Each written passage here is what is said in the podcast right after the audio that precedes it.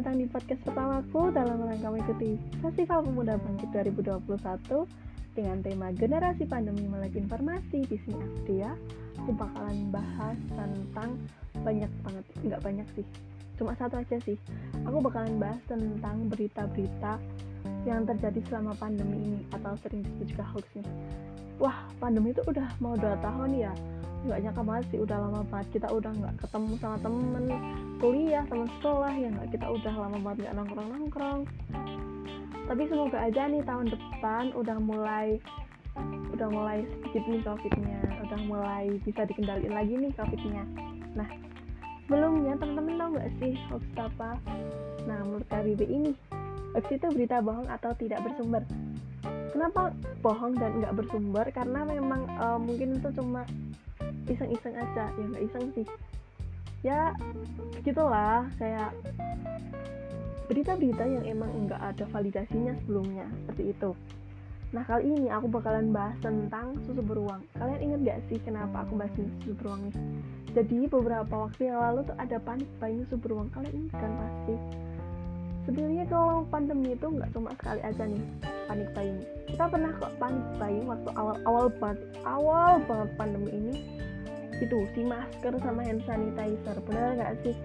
Ya lumrah sih lumrah banget karena memang kita baru sekali pandemi terus kita jadi panik sampai beli masker banyak banget hand sanitizer banyak banget sampai ada tuh penjual-penjual nakal yang nimbun barang-barang kayak gitu biar mereka untungnya lebih.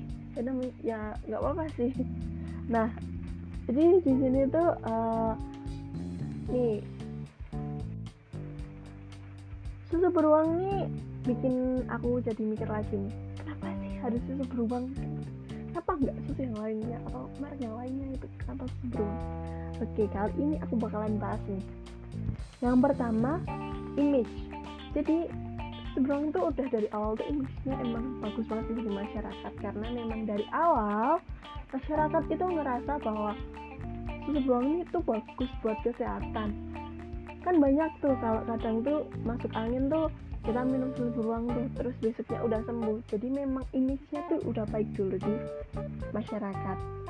Kebetulan waktu itu yang kedua nih lonjakan angka covid tuh naik ya enggak jadi beberapa waktu yang lalu tuh memang lonjakan angka covid tuh naik banget ya sampai bener-bener kita tuh berita tuh isinya cuma covid naik covid naik angka kematian dan lain sebagainya ya kan?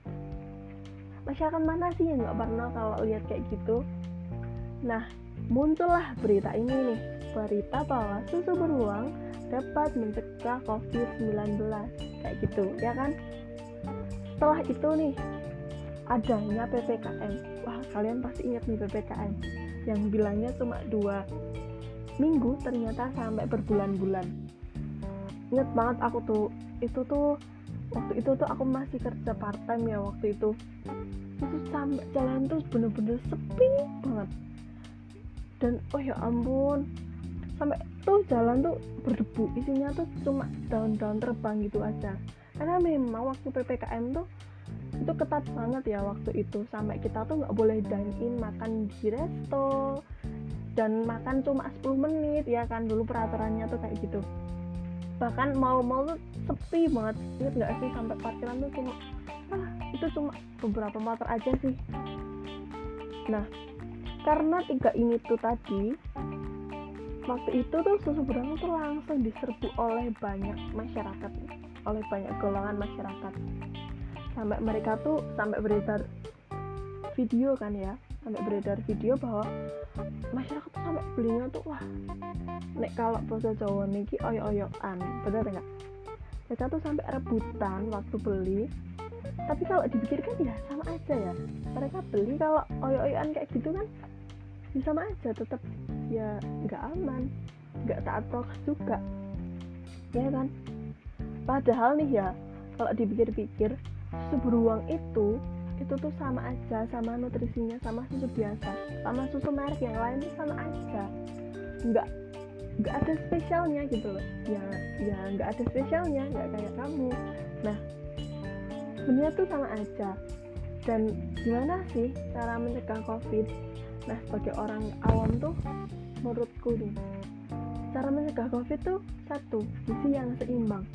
Kenapa gizi seimbang? Kenapa enggak empat sehat lima sempurna sekarang tuh udah nggak pedomannya empat sehat lima sempurna pedomannya tuh pedoman umum gizi seimbang.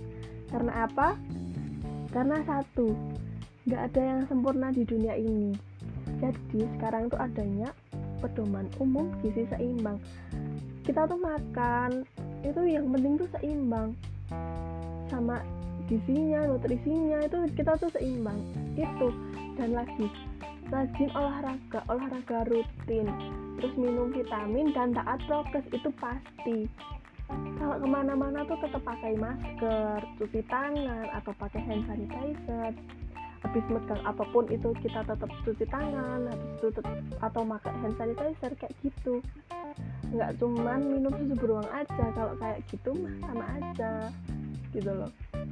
Jadi ya teman-teman nih aku mau ngingetin sekali lagi bahwa kita tuh sebagai generasi milenial lah generasi Z itu harus pinter banget emang memilah-milah berita kayak gitu.